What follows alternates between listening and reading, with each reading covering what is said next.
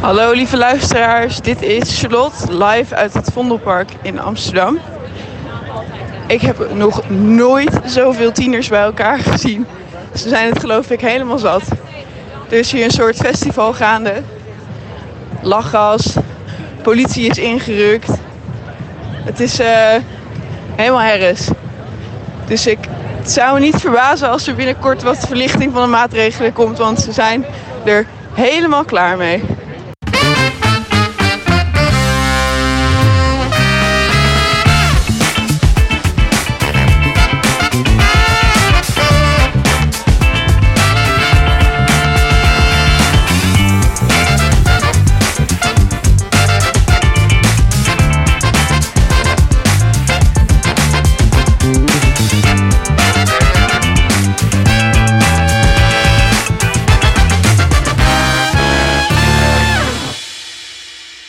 Goedenavond en welkom bij Red Millennial.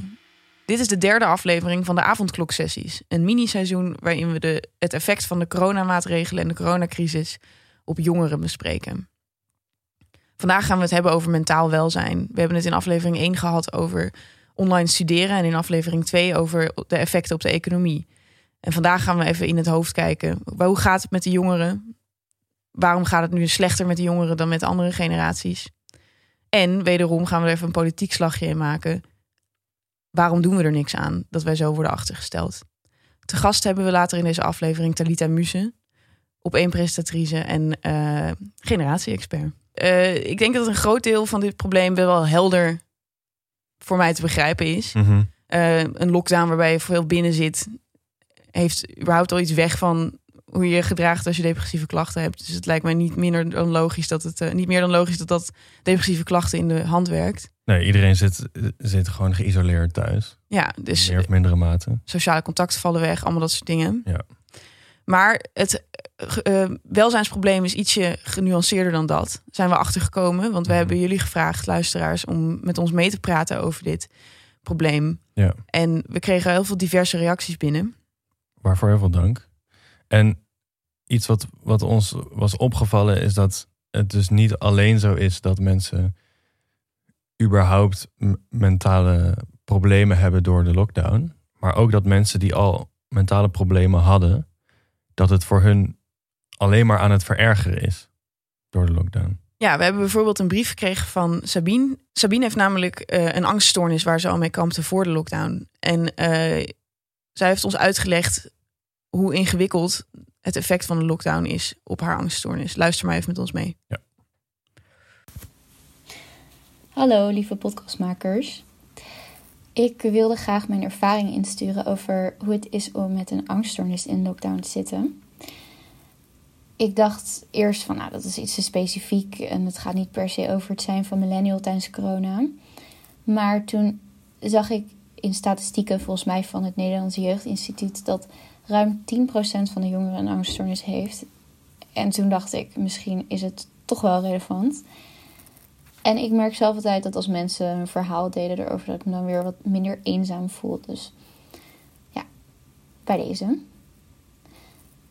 Nou, mijn ervaring tijdens corona is niet alleen maar negatief geweest. Want soms wanneer de lockdown strenger werd, dan kalmeerde me dat ook een beetje. En um, ja, want mijn planning is soms wel heel erg vol. Maar wat ik toch wel erg mis op dit moment is dat ik niet aan mezelf kan bewijzen dat mijn angsten ongegrond zijn. Want normaal gesproken, wanneer ik ergens angstig voor ben, dan doe ik het toch. En dan denk ik achteraf, nou dapper, weet je, toch weer gedaan. En dan voel ik me een beetje trots dat ik in iets in ieder geval geprobeerd heb.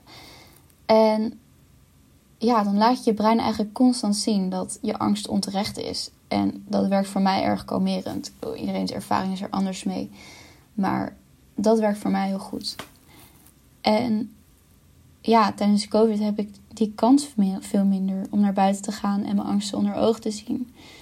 Dus uh, ja, je zit er thuis eigenlijk een beetje in te borrelen. En bepaalde dingen helpen wel, zoals yoga, ademoefeningen, een home workout of een stukje lopen met een vriend. Maar ik merk nu toch wel dat ik er zodanig last van heb dat ik voor het eerst medicatie ga proberen. Wat ik uh, altijd erg spannend vind en nog steeds. Maar uh, ik gun het mezelf nu wel dat uh, alles even iets makkelijker is. Als een soort pijnstiller eigenlijk. Dus ja, dat, dat is mijn ervaring. Bedankt voor jullie leuke podcast. Oké, ja, deze spraakmemo van uh, Sabine, ze heet, ze heet eigenlijk anders, maar de naam is bekend bij de redactie. ja. Zeggen we dan. Um, ik wil haar sowieso even zelf gewoon persoonlijk bedanken. Want ik vind het best wel dapper dat ze dit, dat ze dit opstuurt. Ja, absoluut. En het, het is ook een soort licht op iets waar we het misschien. waar je niet zo snel bij stilstaat. Dus inderdaad, dat mensen die al iets hebben, zoals zij een angststoornis heeft, dat de lockdown uh, haar in eerste instantie misschien een beetje kalmeerde, maar eigenlijk uiteindelijk vooral die angststoornis heeft, heeft verergerd. Ja, wat, wat, mij heel erg, wat er heel erg daagde bij mij toen ik hier naar luisterde. Uh, is dat we deze groep met mensen die al mentale klachten hadden, dat we hem nauwelijks besproken hebben gehoord afgelopen jaar. Ja. Dat is natuurlijk ook een risicogroep. We hebben het alleen maar gehad over fysieke risicogroepen. Mensen die het risico lopen om dat virus te krijgen en er dood aan te gaan. Ja. Maar een mentale risicogroep is er zeker ook. Ja. En met name in deze generatie, want die, die heeft al allerlei mentale klachten. Dat wordt al, al jaren over bericht van jee, het gaat niet goed met de jongeren. Mhm. Het gaat niet goed met de millennials. Ja. Ze hebben angststoornissen, ze hebben depressieve klachten. Ja. Dat is een risicogroep. Ja. En, en zo heb ik het nog nooit geformuleerd gehoord. En ik besef nu ineens hoe raar dat is. Dat ook wij gingen deze aflevering in met het idee van. Um, er komen mentale klachten op bij mensen die dat eerst niet hadden, omdat Mhm. ze onder zulke rare omstandigheden moeten leven nu. Ja. Maar dit is natuurlijk ook een hele grote groep mensen. Ja, en inderdaad, als je het nu zo zegt, een risicogroep, dan eerst klinkt dat een beetje gek. En dan denk je van, ja, dat is natuurlijk, dat is natuurlijk helemaal waar. En dat, daar zit toch misschien achter nog steeds een beeld van dat mentale klachten gewoon iets minder belangrijk zijn dan fysieke klachten. En wat we daarin denk ik ook vergeten, is dat die mentale klachten die jongeren nu ervaren, ook lange termijn effecten gaan hebben. Zeg maar, wordt heel vaak gezegd van ja, corona, dan kan je misschien nog jaren last hebben van reuk, smaakverlies, I don't. Ja, ja ook wel longklachten en zo. Het is ook niks, niks om, uh, Nee, dat is ook, ook, over te smalen. ook prima erg. Maar uh, als, je, als je een jaar lang met een angststoornis thuis moet zitten, ja. dan is het ook niet als je dan weer naar buiten mag. Dat is van, dat oh, dan weer beter dat is, klaar. Nee, absoluut wel? niet. Dat zijn ook gewoon littekens. Ja, ja en de, de breed scala aan, uh, aan, aan mentale problemen bestaat er natuurlijk in de samenleving, waar ik ook nog helemaal niet over na had gedacht. En waar wij op zijn gewezen door uh, een andere luisteraar, Maaike, mm naam bekend bij de redactie, um, is dat deze lockdown ook een effect op je heeft als je een eetstoornis hebt. Ja, ja zij schreef ons een mail. Uh, zij heeft dus bulimia.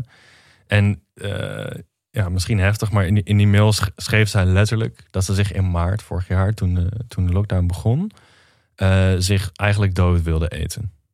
Nou ja, het vooruitzicht van binnenzitten, altijd ja. maar in het bereik van eten. Als je een obsessieve gedachte hebt over eten, is dat ongeveer het ergste dat je je kunt voorstellen.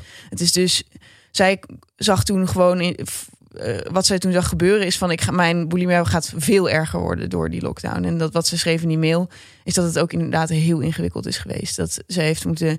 Uh, uh, moeten ingrijpen door een heleboel liters cola light te gaan drinken. Daarvan Ja. heeft ze permanente hoofdpijn gekregen. Ja. Uh, ze moet heel erg nadenken over wat ze wel en niet in huis heeft. Maar ja, Ja. je kunt ook natuurlijk niet meerdere keren per dag naar de supermarkt. Want dat wordt ontzettend afgeraden. Je, moet, je wordt gedwongen eigenlijk om heel veel eten in te slaan. En dan vervolgens daarmee binnen te gaan zitten. Dus Ja, je wordt gedwongen om te hamsteren. ja, je wordt gedwongen om te hamsteren. En, dan, en zeker als je dus een aandoening hebt... waardoor in de buurt van heel veel eten zijn... heel erg zwaar, zijn, zwaar is voor je geestelijke gezondheid. Ja. Nou ja, ik kan me niet herinneren dat ik daar ooit iets over heb gehoord in het afgelopen jaar. Het kan onoplettend zijn geweest. Maar Ja, nee, same. Ik heb er ook niks over gehoord. En- eh, eetstoornissen zijn dodelijke aandoeningen. ja, En eh, je geeft iemand die, meer, die meestal ergens heen kan... en ergens anders zijn gedachten op kan richten... geef je de vrijheid om obsessief over eten te gaan na- nadenken. Dat zal ook gelden voor mensen met anorexia... ja. wat de dodelijkste psychische aandoening is. Ja, en di- dit zijn persoonlijke verhalen, maar dit zijn natuurlijk de verhalen van heel veel mensen. En het zijn ook dit soort verhalen die mensen vaak niet zo makkelijk vertellen. Nee, absoluut niet. Eh, dus dit is ook allemaal, dit gebeurt allemaal ook een beetje onder de radar. Ja. En nou ja, daarom is het denk ik wel echt heel belangrijk dat we er eventjes goed bij Nee, heel erg dankbaar dat, dat deze eh, meiden ons dit hebben gestuurd. Ja. Ehm, naast de lezersbrieven hebben we er ook nog even de kranten bij gepakt. Ehm, ik had een heel interessant artikeltje gevonden in het Financieel Dagblad. Mhm. Ehm, goed, meer van hetzelfde natuurlijk. Het gaat niet goed met iedereen. Dat is inmiddels helder. Eh, maar wat daarvoor eh interessante informatie in stond, was dat het toch niet per se de avondklok is die de meest onmenselijke regel is, eh, volgens jongeren zelf. Want het Mhm. ging over een onderzoek dat is gedaan naar hoe het gaat met de jongeren. Dus hebben ze zelf ingevuld van wat vind je nou de zwaarste maatregel. En dat, ging, eens- dat gaat dus eigenlijk eh, vooral om de één bezoeker regel. Dat die Hmm. dan toch het zwaarst is. Ja. Want omdat jongeren toch vaak elkaar in groepen ontmoeten. Ja. En één op één afspreken is echt iets voor volwassenen. Zeg maar. Dus Dat is wel eng. ja, wanneer Toch? ga je dat nou als je jong bent. Nou, of als je een nieuwe studiegroep vrienden hebt, ga je toch niet zeggen van oké, kom langs om met mij op anderhalve meter koffie te drinken. Nee. Ik vind het nu al ook. Het is best wel een stap om iemand één op één uit te nodigen. Ja, absoluut. Zeg maar. Eh, dus dat vond ik wel interessant. Verder was die onderzoeker die vreesde, eh, zoals we al eerder zeiden, voor chronische klachten. Hmm. Dus dat een mentale klacht inderdaad niet overgaat Ja. eh, eh, als dit jaar overgaat.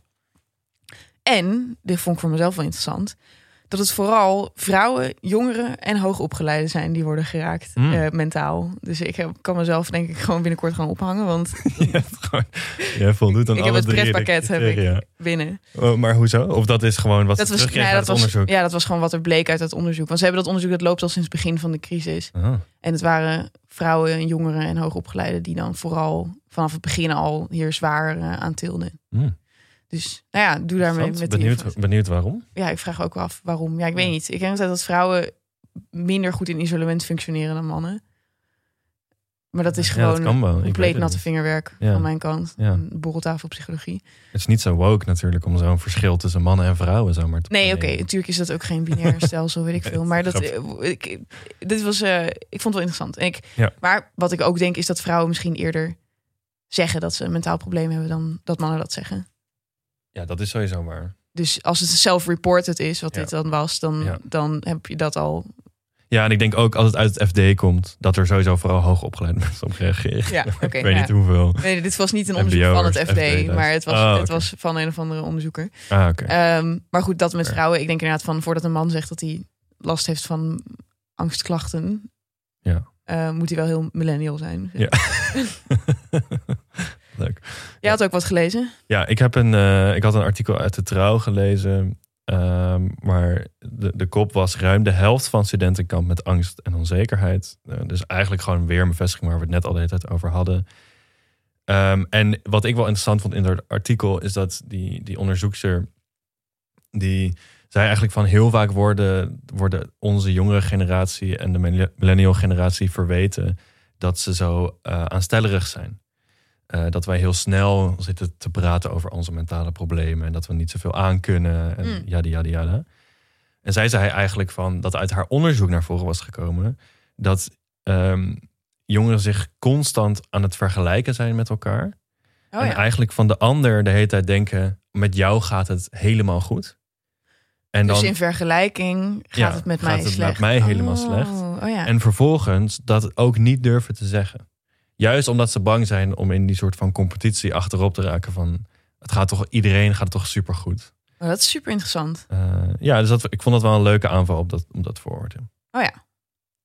Goed, wat, waarom denken wij zelf eh, dat het juist jongeren en twintigers zijn die hierdoor worden getroffen? Want kijk, het argument dat je natuurlijk vaak hoort als je zegt van het gaat slecht met jongeren, is van ja, maar isolement en gebrek aan feestjes eh, en shit online moeten doen, dat moet iedereen. Ja. Eh, dus waarom zijn het nou juist kinderen, tieners, jongeren en jongvolwassenen die, die hier last van hebben? Ja, ik, voor mij, wat ik ook vooral heb gehaald uit, uit de reacties die wij hebben gehad van alle, van alle jonge mensen, is dat ze vooral gedeelde ervaringen missen. En ik denk dat dat iets is wat je in je jeugd gewoon meer nodig hebt dan als je, als je wat ouder bent. Omdat zij maken allemaal dingen mee die nieuw zijn. eh, en die je nog niet eerder hebt meegemaakt. En dan is het gewoon heel erg belangrijk dat je het met iemand kan delen. Oh ja. Ja, voor je gezondheid, maar ook denk ik gewoon voor om je leven in te richten. Ja. Eh, er vallen sociale activiteiten weg die echt essentieel zijn voor, voor het op starten van je leven. Bijvoorbeeld als je al een partner of een gezin hebt, of je woonsituatie staat al vast, of je baan staat al vast, dan heb je, heb je al dat soort evenementen niet nodig. Maar, Nee. Ja. maar je hebt voor een borrel is essentieel voor het zoeken van een partner, voor het zoeken van een baan, voor het netwerken, Ja. Voor eh, het bonden met je medestudenten. Ja, oude mensen leven gewoon al in die vaste structuren die je normaal gesproken dat houvast geven. Als jij een gezin hebt thuis, dan heb je gewoon altijd mensen om je heen. Ja, en je hebt ook altijd avondklokken, want want, als je kinderen jong zijn, dan ben je echt niet elke avond op tafels aan het dansen. Ja, terwijl als je jong bent, dan ben je echt nog een beetje als een kip zonder kop. Een soort van aan het zoeken van waar kan ik me aan vasthouden in het leven. En als je dan opeens in je eentje bent, Ja. dan kan je nergens aan vasthouden. Ja, nee, goed. Dus dat is een beetje onze analyse van waarom het dan juist, eh, juist jongeren treft. Ja.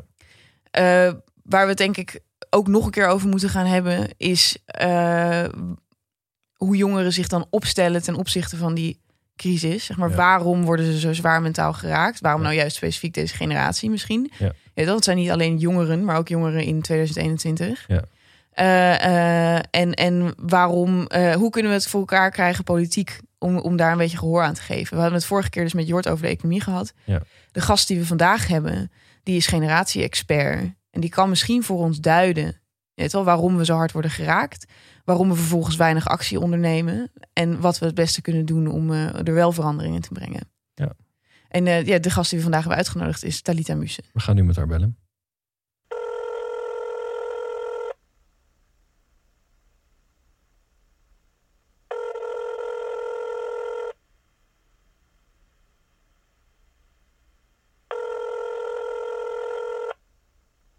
Hoi. Hallo. Hallo, Hey.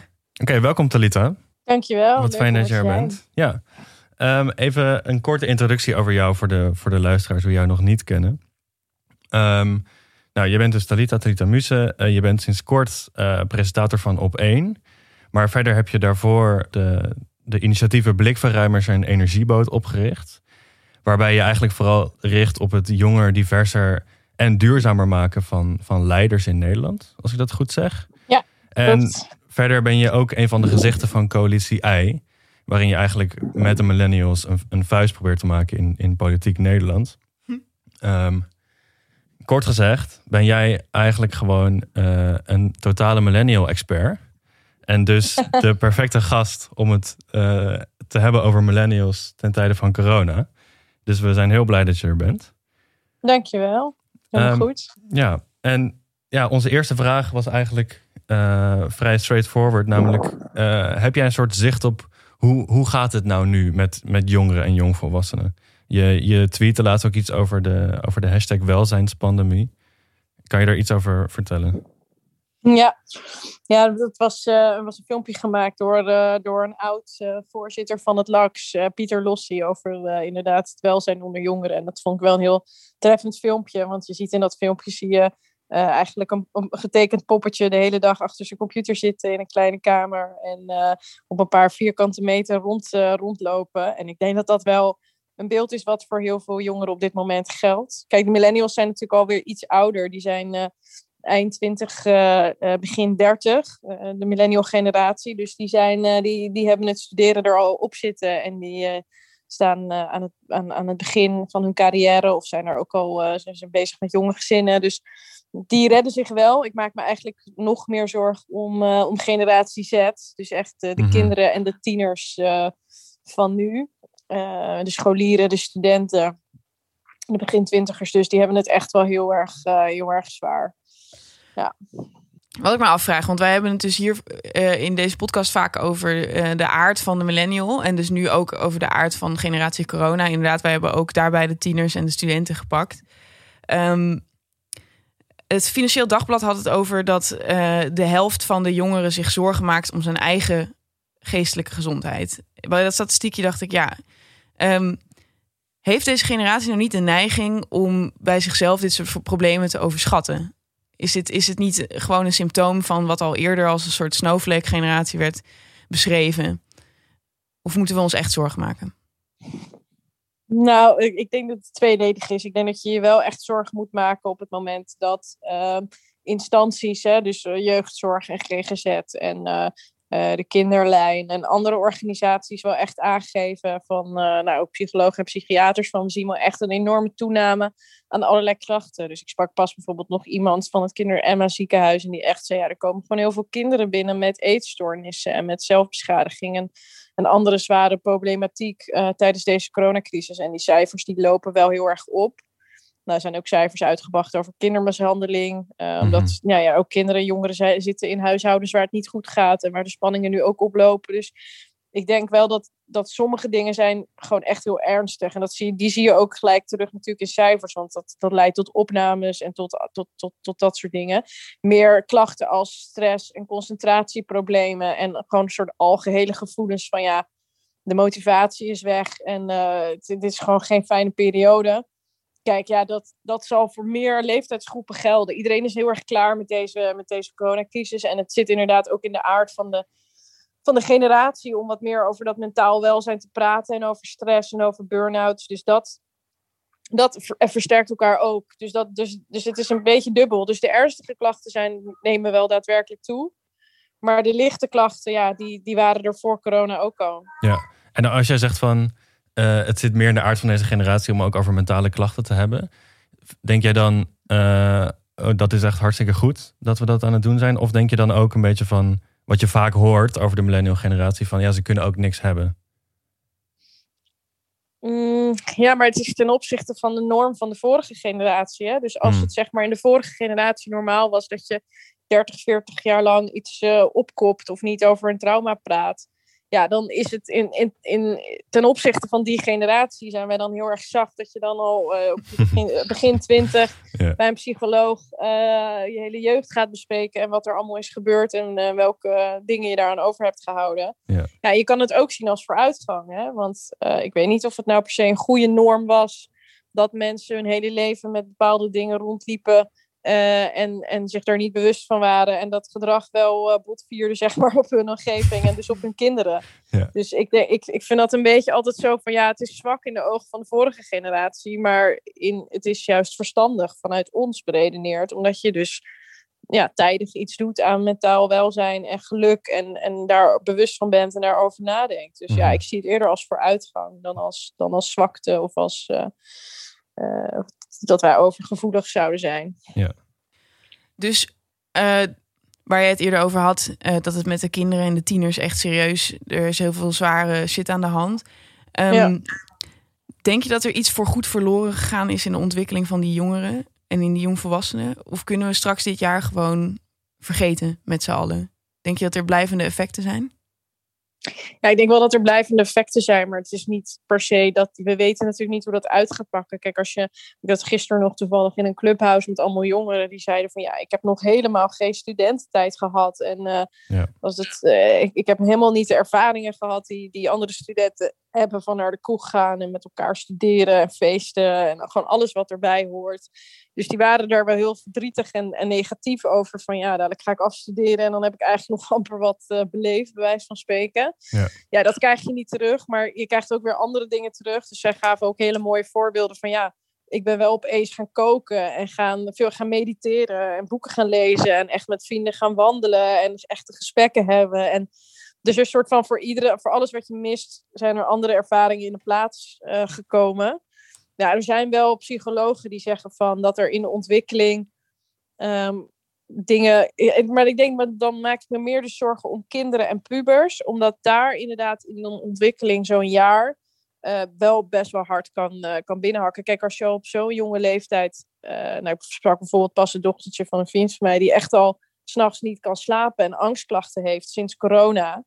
Ja, dat gaat, dat gaat je wel later in je leven opbreken. Als je daar nu al last van hebt en je moet nu al in psychologische trajecten vanwege angstklachten, vanwege zeg maar dus gewoon corona, eh, dan eh, gaat, gaat dat, ja, dan zit je al in een soort behandeltraject en dan eh, gaat dat je wel in de rest van je leven ga je dat meenemen, ja. Dus Ja. voor een deel van de jongeren zal zeker.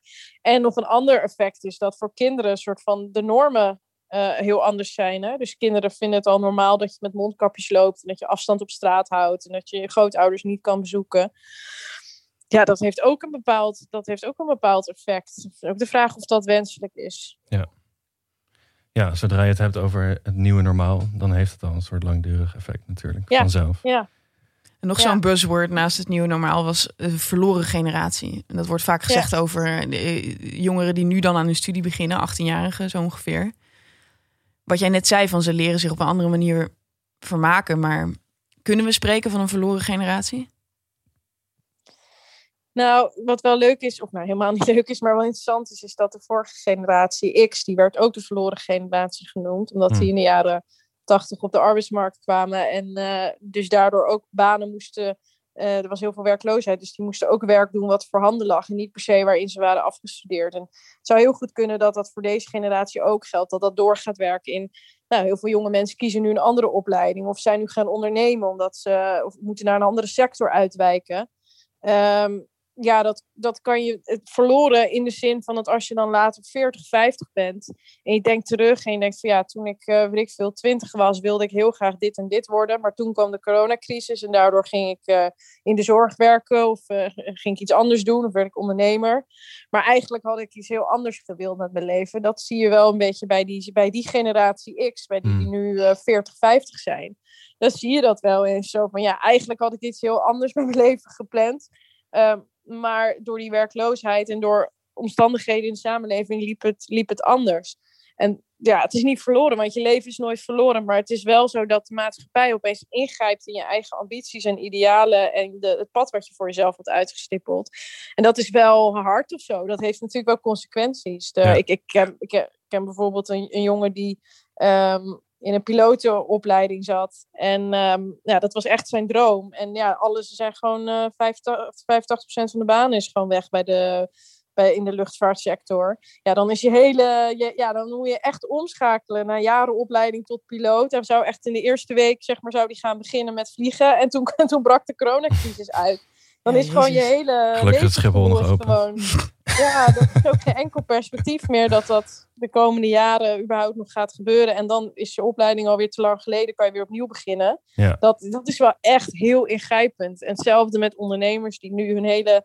Uh, sommige hun levensbedrijf, uh, waar ze levenswerk, waar ze aan hebben gewerkt, gaat gewoon failliet. Ja. ja. dat is wel echt heel ingrijpend. Maar dus als ik je goed hoor, dan wordt er wel echt ingegrepen op de ambities van jongeren. Maar om nou te spreken van een verloren generatie in de zin van dat er nu allemaal mensen enigszins incapabel opgroeien omdat ze niet geen goede opleiding, et cetera, en ontwikkeling meer doormaken, vind jij ook weer overdreven om te zeggen?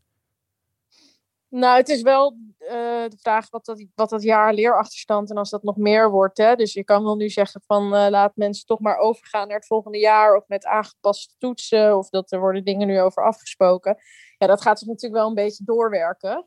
Maar ik denk, ja, verloren generatie, nee, natuurlijk niet. Kijk, we zitten nog steeds in een van de, uh, de beste landen ter wereld qua uh, je mogelijkheden en je kansen om je als jongere te, te ontplooien en te ontwikkelen. Dus, en er is nu ook een, een plan aangekondigd vanuit het OCW om uh, compensatie te geven, om jongeren langer te laten doorstuderen. Dus uh, dat ze na de crisis bijvoorbeeld nog een jaar een studie kunnen gaan doen, bijvoorbeeld. Dus er zijn wel allerlei plannen om ook dit, zodat je dit in kan halen. Maar ja, heeft het effect? Ja, tuurlijk heeft het effect. En allemaal onvoorzien, allemaal overmacht. En dat, dat, dat maakt het mentaal, denk ik, pittig voor jongeren. Van ja, ik, wat de fuck, weet je wel, je kan zelf niks aan doen. En dat zijn we ook niet gewend. Dat zijn we echt niet gewend. Dit soort tegenslagen waar je de hand gewend. niet in hebt in zo'n individualistische samenleving. Ja, dit woord hoor, kan ik inmiddels zelf ook niet meer in mijn strot uit krijgen ongeveer. maar het betekent natuurlijk wel dat je altijd denkt het alles maar in de hand te hebben. Precies, zo. precies. Ik spreek een heleboel uh, uh, vriendinnetjes van mijn broertjes leeftijd, zo rond 18, 19 die echt denken van, hé, maar ik kan toch wel gewoon nu nog steeds die cursus skileraar doen die ik gepland had. Waarom, waarom we regelen toch wel wat? Ja. Maar dat is ook een welvaartssymptoom, ja. denk ik. Je bent gewoon gewend dat alles kan. Uh, ja, het is ook een soort aanval op, op, de, op het maakbaarheidsideaal dat ja, we allemaal hebben. absoluut. Ja, Waarbij ik ergens zelfs denk van, hoe, hoe slecht is dat? Ja, jij bent ook zo'n socialist dat jij denkt van, ja, lekker, dan gaan we weer allemaal met z'n allen bieten staan rooien of zo. Hey, maar Talita, je had het net al eventjes over dat er nu nieuwe plannen liggen om ook voor bijvoorbeeld, nou, deze week kwam dat uh, verhaal dat er uh, miljarden worden geïnvesteerd in onderwijs, wat natuurlijk fantastisch nieuws was. Mhm. Mm -hmm. um, wij vroegen ons af, ook omdat jij uh, je heel politiek actief bent, of in ieder geval in bestuurlijk Nederland heel actief bent. Mm -hmm. Um, wie, wie vertegenwoordigt ons of de jongvolwassenen eigenlijk in Den Haag? en, en wordt er gen, volgens jou genoeg geluisterd naar wat, wat wij willen tijdens deze crisis? Bijvoorbeeld naar coalitie I of naar de jongere denktanks. Ja. Hmm. Nou, kijk, de jongerenvertegenwoordigers die zaten altijd wel uh, aan tafel met, uh, met de ministers van, uh, van, nou ja, dan met name met de minister van OCW eigenlijk. Eigenlijk is jongerenvertegenwoordiging is eigenlijk altijd op onderwijs. Daar begint het al. Je zou eigenlijk jongerenvertegenwoordiging moeten hebben op het klimaatbeleid, op het economische beleid, bij verkeer en waterstaat, bij, op, op ieder terrein, landbouwbeleid. Maar eigenlijk is jongerenvertegenwoordiging in Nederland altijd verengd tot de positie van de scholier en, en de student. Waardoor dus eigenlijk de, de vertegenwoordigers van de, de, middelbare scholieren, het LAX, en van de studenten, het LSVB, een soort van de machtigste jongerenvertegenwoordigers zijn. Terwijl dat mhm. maar één perspectief is. Want je mist daarmee uh, de kinderen en je mist uh, de jongvolwassenen en de jonge medewerkers. Dus dat, dat is zeg maar, dat, dat gaat al niet helemaal goed. En het tweede is natuurlijk gewoon hoeveel invloed uh, hebben zij daadwerkelijk? En je zag bij het coronabeleid dat gewoon al heel snel dus werd besloten van bovenaf, hup, scholen gaan dicht nou ja, dan sta je eigenlijk als jonge vertegenwoordiger, sta je, sta je erbij en kijk je ernaar. Ja. Um, dus die macht is, is lang niet uh, groot genoeg. En niet ten opzichte van uh, andere georganiseerde belangen. Ja. Dus um, het is heel beperkt. De, de invloed van jongeren op de, op de politieke besluitvorming is, is, is minimaal. Ik denk dat wij de, ik noem het wel eens, we zijn gewoon de grootste onderdrukte minderheid in de samenleving. Hey, ja, nee, dat mag je best zo noemen hoor. Ja hey, maar we hebben de beperkte macht die we hebben is natuurlijk dat we binnenkort naar het stemhokje mogen. Uh, als je dan ouder dan 18 bent, dus daar, daar begint het al. Maar um, als je jong bent, maar wel boven de 18, waar kun je dan denk ik volgens jou het beste op stemmen als je je eigen stem vertegenwoordigd wil zien? Op een jongere. Dus gewoon iemand die, op een, die jong is en op een lijst staat. Ja, ik denk wel dat uh, als je op iemand stemt onder de 30, dat je dan in ieder geval ervoor zorgt dat iemand die in hetzelfde uh, levensfase zit als jij zelf, uh, daar uh, denk ik ook een betere uiting, een betere vertegenwoordiging aan kan geven dan een ouder iemand. Dit is had ik nooit over nagedacht. Ik zat echt te denken, ja, welke zestiger luistert het beste naar jongeren? Je kunt natuurlijk ook gewoon nou, op jongeren stemmen. Ja. Nou, niet. Ja, er is nu ook een record aantal jongeren die op de kieslijsten staan. Dus uh, 55 mensen onder de 30. Niet oh. allemaal verkiesbare plekken, maar is ook echt op bij een aantal partijen op. Uh, gek genoeg doet Forum voor Democratie en de Partij van de Arbeid uh, doen het het beste qua het aantal jongeren in de, in de top 10. Dus nou, stemadvies. ja, doe ermee maar, wat je wil. doe ermee wat je zelf wil. Uh, maak een verstandige keuze. Maar um, nee, ja, dus stemmen op een jongere is denk ik uh, een, een, een, een goede eerste stap. Ik zie niet per se één partij waarvan ik denk, nou, dat is nou echt een, een dusdanig een jongere partij die hebben. Nee, dat, dat zie ik eigenlijk niet terug. Kijk, VVD sowieso niet, maar de rest, mm, ja. Maar jij zegt eigenlijk van, ik vind dat ook heel interessant. Dus het gaat niet zozeer om welke partij het nou is, of die nou wat voor thema's, maar tot zekere hoogte natuurlijk wel. Maar het is eigenlijk belangrijker dat er gewoon iemand zit die jong is, die vanuit het perspectief van jongeren kan denken. Omdat nu worden we geregeerd door allemaal 50-plussers. De gerontocratie. Ja. Heb ik het wel eens Ja, de gerontocratie. Precies. Nou, het is heel erg om te zeggen, want eigenlijk zou het natuurlijk over inhoudelijke belangen moeten gaan. Hè? En uh, zou je niet, want anders moet je van iedere vorm van diversiteit moet je, moet je vertegenwoordiging in de Kamer hebben. Dat is met 150 plekjes is dat vrij, uh, vrij lastig. Alleen ik zie gewoon ik schuif daarin zelf op in mijn eigen mening, ook in het diversiteitsdebat, bijvoorbeeld over mensen van kleur of uh, opleidingsniveau of andere dan denk ik gewoon van ja, volgens mij gaat het niet gebeuren als je geen fysieke representatie hebt. Als je geen fysiek mens daar hebt zitten met die levensverhalen, met die achtergronden, met, uh, dan, dan ga je er toch geen prioriteit van maken. Ik bedoel, ik kan lobbyen wat je, wat je in ons weegt als jongeren bij die politieke partijen. Maar als het niet, ja, het resoneert niet. Het resoneert niet, weet je. Het is uh, het, bijvoorbeeld de, de invoering van het leenstelsel en de afschaffing van de basisbeurs toen waren er protesten op alle universiteiten. Ik weet niet of jullie er ook bij waren, maar ik notabene uh, collegezalen bezet. En er was een week lang volgens mij protest op alle universiteiten. Jongeren vertegenwoordigers zaten aan tafel. Alle politieke jongerenorganisaties waren tegen. Ja. En toch is het doorgevoerd. Dus eigenlijk is het niet voldoende om alleen uh, uh, te protesteren en te lobbyen. Er moet ook daar fysieke vertegenwoordiging echt zitten in dat parlement zodat dat geluid van de straat ook daarbinnen gehoord kan worden en kan doorvertaald worden naar beleid. Ja, uh, dat is denk ik wel echt de volgende stap.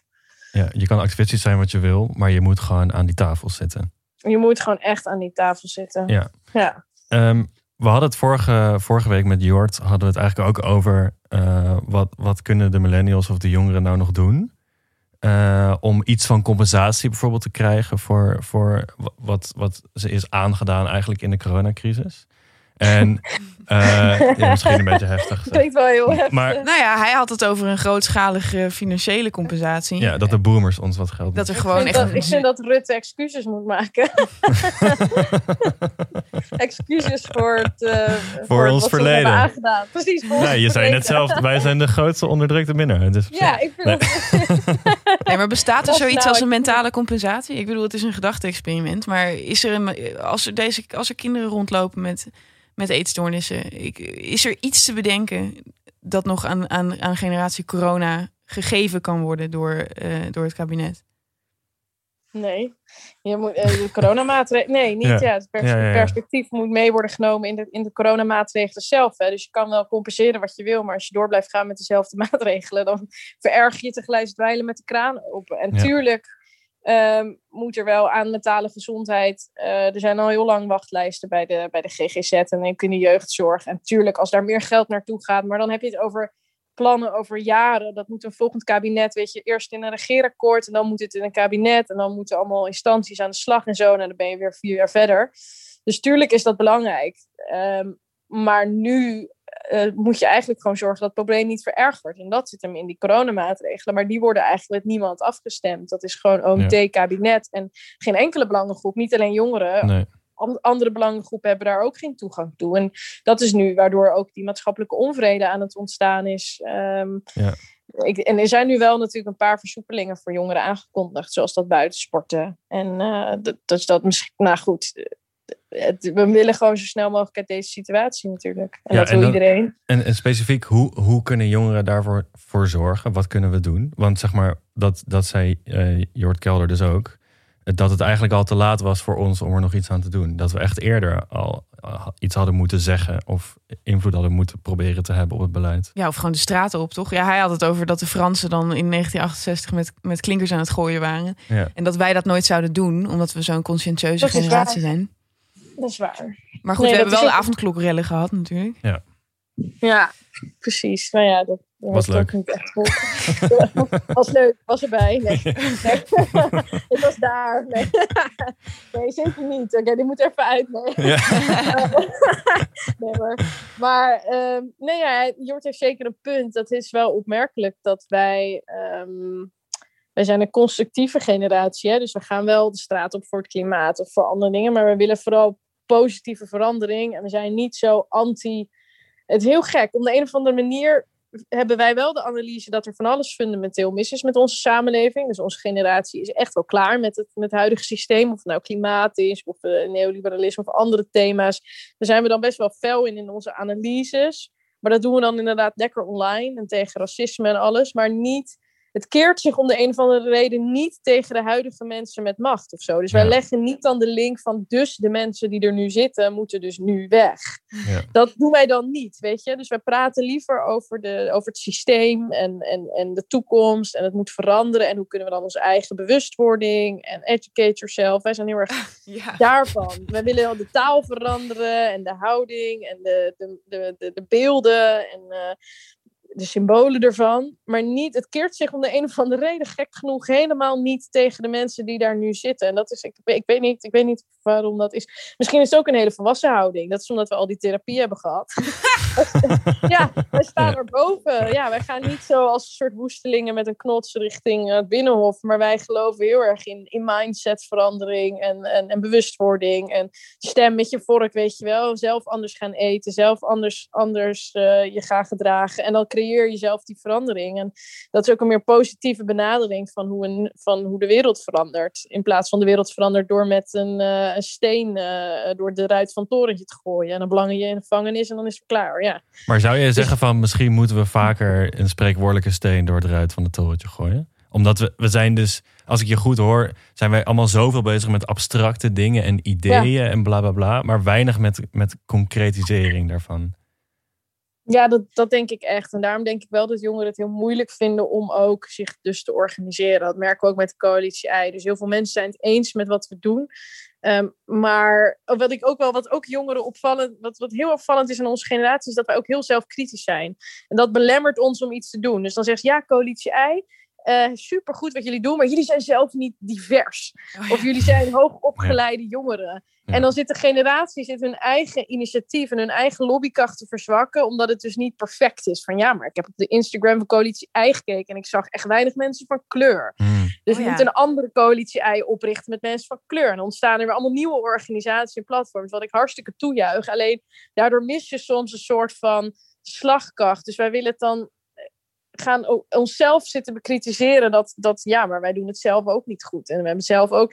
En dat is, merk ik ook wel heel erg. Van soms moet je daar overheen stappen en gewoon durven wat meer met een botte bijl inderdaad eh, eh, eh, erop af te gaan. In plaats van het allemaal perfect te willen doen. Nou, dat zou dan een soort laatste advies, denk ik, zijn aan de luisteraars. Om, om, om dat cannibalisme een beetje achter te laten. en de handen ineen te slaan. Toch? Ja, dat, ik heb, zie dit ook overal. Ja. Ik, ik ben ontzettend links, maar ik geld geloof ik niet eens als ontzettend links. Ja. Op ontzettend links. Ja. Ja. Dus, eh, Ja.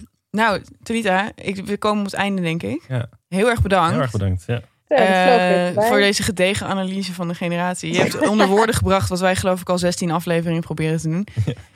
Ja. nou, dat zal ik wel meevallen. Ik ga lekker luisteren naar die andere afleveringen. Ik ben heel benieuwd. Leuk. Oké, dankjewel. En eh, ja, hele fijne rest van je dag nog. Jullie ook. Oké. Doei. Hoi. hoi. Nou, jullie hebben geluisterd naar eh Talita Muse, generatie expert, zoals je kon horen. Ja. Haar kritiek op onze aarzeling om de handen ineen te slaan, omdat we zo kritisch zijn op elkaar, Ja. is heel gevaarlijk. Zeg maar, ik hoor nooit iemand dit zeggen, Ja. omdat je dus dan automatisch zegt dat vragen om veel diversiteit, weet ik veel wat, dat dat een rem is op de belangen van jongeren. Ja. Maar ze heeft zo'n gelijk. Ja. ja, nee, ik ben heel erg voor diversiteit, maar waar ze, waar ze, dat zal ze zeker hebben gemerkt met generatie I. Dat, dat, eh, dat daar niet alle jongeren zich achter willen scharen. En dat we Ja. dus nooit als een soort verenigd front iets kunnen eisen. Ja, en ik, ik, vind- haar houding is zo lekker pragmatisch. Ja. Zeg maar, en ik voel me daar ook persoonlijk over aangesproken van heel veel bezig met, met heel erg abstract en een soort van puur willen leven. Inderdaad, van activisme met je vork. Stemmen met je dan. vork. Ja, ik vond het zo grappig. En ja, dat is echt wat ik doe. En dan inderdaad dat zelfkritische en gewoon weinig concreet. Ik bedoel, zij heeft ook gewoon eh, dat energieboot en dat blikverruimers. Dat zijn gewoon initiatieven om daadwerkelijk shit diverser te maken. Ja, Dus zij heeft ook echt alle recht om dan nu te zeggen van... ja, we zijn te veel bezig met abstracte dingen. En dat is inderdaad ergens een gevaarlijke uitspraak. Want het is een beetje van, oh, ben je wel woke genoeg? ja. Maar ja, zij fixt shit gewoon. ja maar ik be- Ja. besef even ook hoe fucking onproductief de vraag is... of iemand die voor rechten van jongeren aan het vechten is... als enige, zeg maar... Ja. of die woke genoeg is. Ja. Dat is. nou ja, in ieder geval haar advies: stem op een jongere. Ben ik helemaal mee eens. Ja. Laten we wel verstandige jongeren zijn, in godsnaam. Ja. Niet iemand van FVD. Nee. Ehm, Jij linkse. ja, ik ben ontzettend, zoals ik al zei, ik ben ontzettend links. Goed. Eh, het kampvuur is afgelopen. Oh ja, het laatste kooltje dooft. Hoe noem je dat? Dit was de laatste avondkloksessie. Ja. Waarom zijn we dit project gaan ondernemen? Ja, omdat wij vonden dat er te, te weinig vanuit het millennial perspectief... of eigenlijk vooral vanuit het jongere perspectief... werd gezegd over de coronacrisis. Ja, we hebben het over generatie corona. Dus nu, Ja. kijk, hierna gaan we het weer hebben over die, die gekke dertigers en hun consumptiegewoontes en zo. Maar dit was denk ik nodig, zoals Talita al zei, omdat er niet echt een verenigd geluid is over Nee. van wat er allemaal mis is. Ja. En met onszelf. Ook jij hebt het eerder in deze aflevering gehad over die schaamte, Mhm. eh, de competitiedrang, het Ja. idee dat het altijd goed met je moet gaan. Ja. Ehm, Denk je dat, we- dat, we dat, dat we dat podium een beetje kunnen hebben bi- bieden? Ja, I guess. En ik vind ook dat we bijvoorbeeld in aflevering 2 heel veel hebben geleerd over onze eigen allergie voor pragmatisch toekomstdenken. Ja. Eh, dat we toch, en daar heeft Talita het vandaag ook weer over gehad. Ja. Dus dat vind ik echt wel. eh, ik vind dat we daar interessante mensen over hebben gesproken. Zelfs Freya in aflevering 1 zei eigenlijk al van ja, stu- zelfs studenten die eigenlijk allemaal collega's van elkaar zijn, zijn niet te verenigen. Ja. Omdat ze niet doen aan pragmatisch toekomstdenken. Ja. Ze denken individueel. Ja, dat is inderdaad wel echt ook de les die ik hier uithaal. Dat wij gewoon te snel verzanden in abstracte ideeën. Ja, dus en het- te weinig nadenken over wat, wat kunnen we nou doen. ja, los van elkaar zijn, zijn alle drie onze gasten daar eigenlijk over begonnen. Ja. En is dat de, conclusie die we hebben moeten trekken over de jongste volwassen generatie, zeg maar. Ehm, dus ja, ik denk dat dat, ik denk dat dat de rode draad van de avondkloksessies is geweest. Maar goed, ik hoop dat we ook een beetje een sfeer hebben kunnen creëren van een kampvuur. Nou ja, dit dit is wel de andere rode draad die ik eruit zou halen. Namelijk dat we echt, echt best wel veel reacties hebben gekregen van mensen die eh, gewoon met ons hebben gedeeld wat ze, wat ze moeilijk vonden. En eigenlijk dus een beetje uit dat competitie stapten. Ja. En gewoon durfden te zeggen van, hé, hey, eh, ik zit hier eigenlijk heel erg mee. Ja, ja, ja.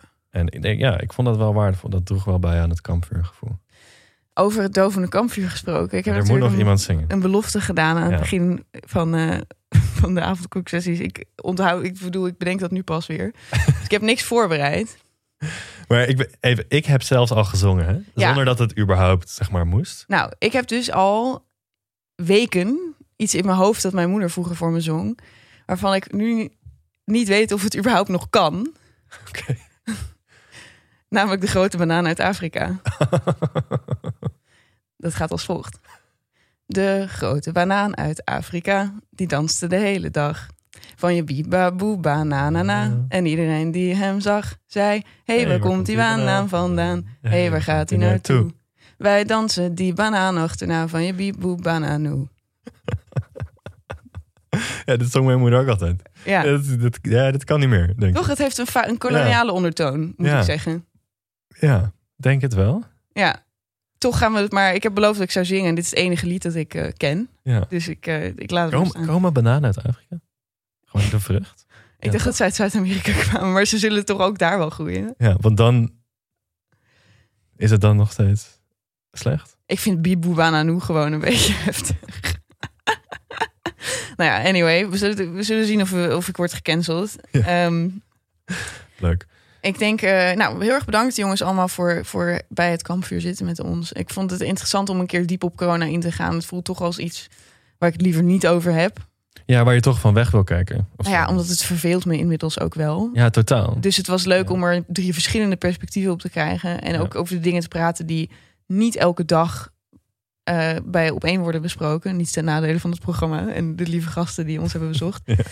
Ehm, En ja, en ik zou ook nog een keer willen zeggen van deel alsjeblieft deze afleveringen ook met, met je vrienden en familie. ja, we hebben ook gehoord van, oh, eindelijk kan ik aan mijn vader zeg maar onder woorden brengen Ja, eh, wat ik nou precies denk van die crisis als jongere. Ja.